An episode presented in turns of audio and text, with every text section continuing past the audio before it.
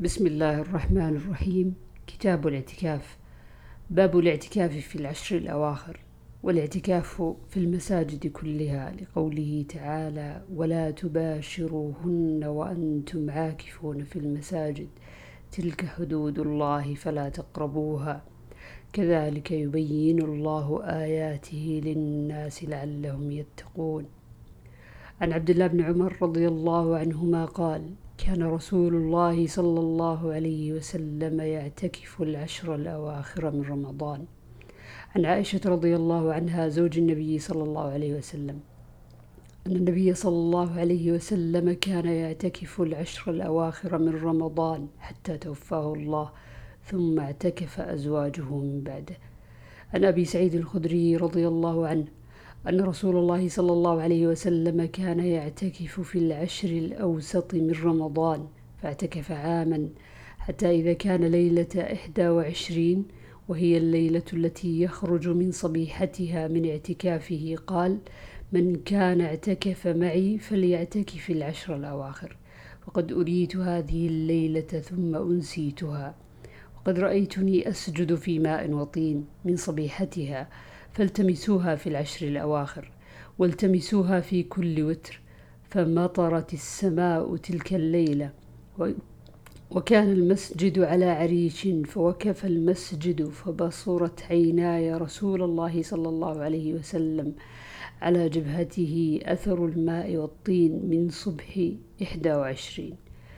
باب الحائض ترجل المعتكف.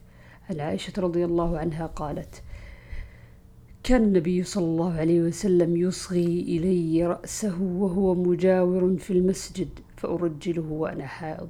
باب لا يدخل البيت إلا لحاجة.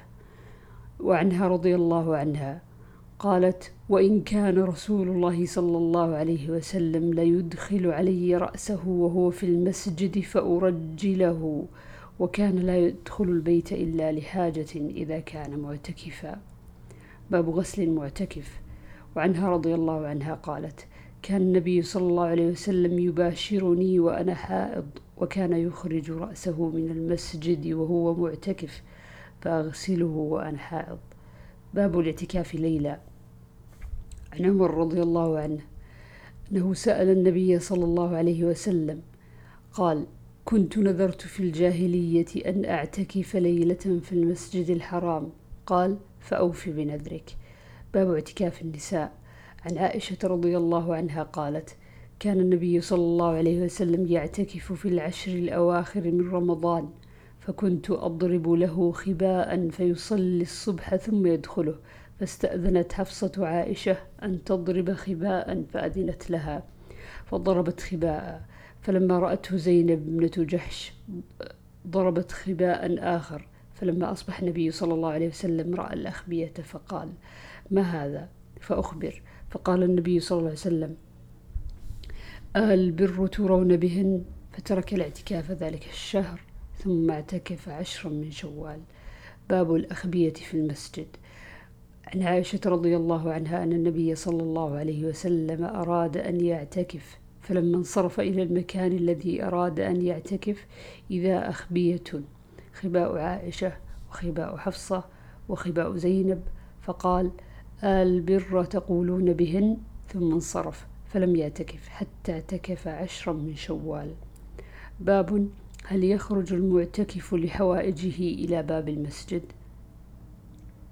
عن علي بن الحسين رضي الله عنهما أن صفية زوج النبي صلى الله عليه وسلم أخبرته أنها جاءت رسول الله صلى الله عليه وسلم تزوره في اعتكافه في المسجد في العشر الأواخر من رمضان فتحدثت عنده ساعة ثم قامت تنقلب فقام النبي صلى الله عليه وسلم معها يقلبها حتى إذا بلغت باب المسجد عند باب أم سلمة مر رجلان من الأنصار فسلما على رسول الله صلى الله عليه وسلم فقال له النبي صلى الله عليه وسلم على رسلكما إنما هي صفية بنت حيي.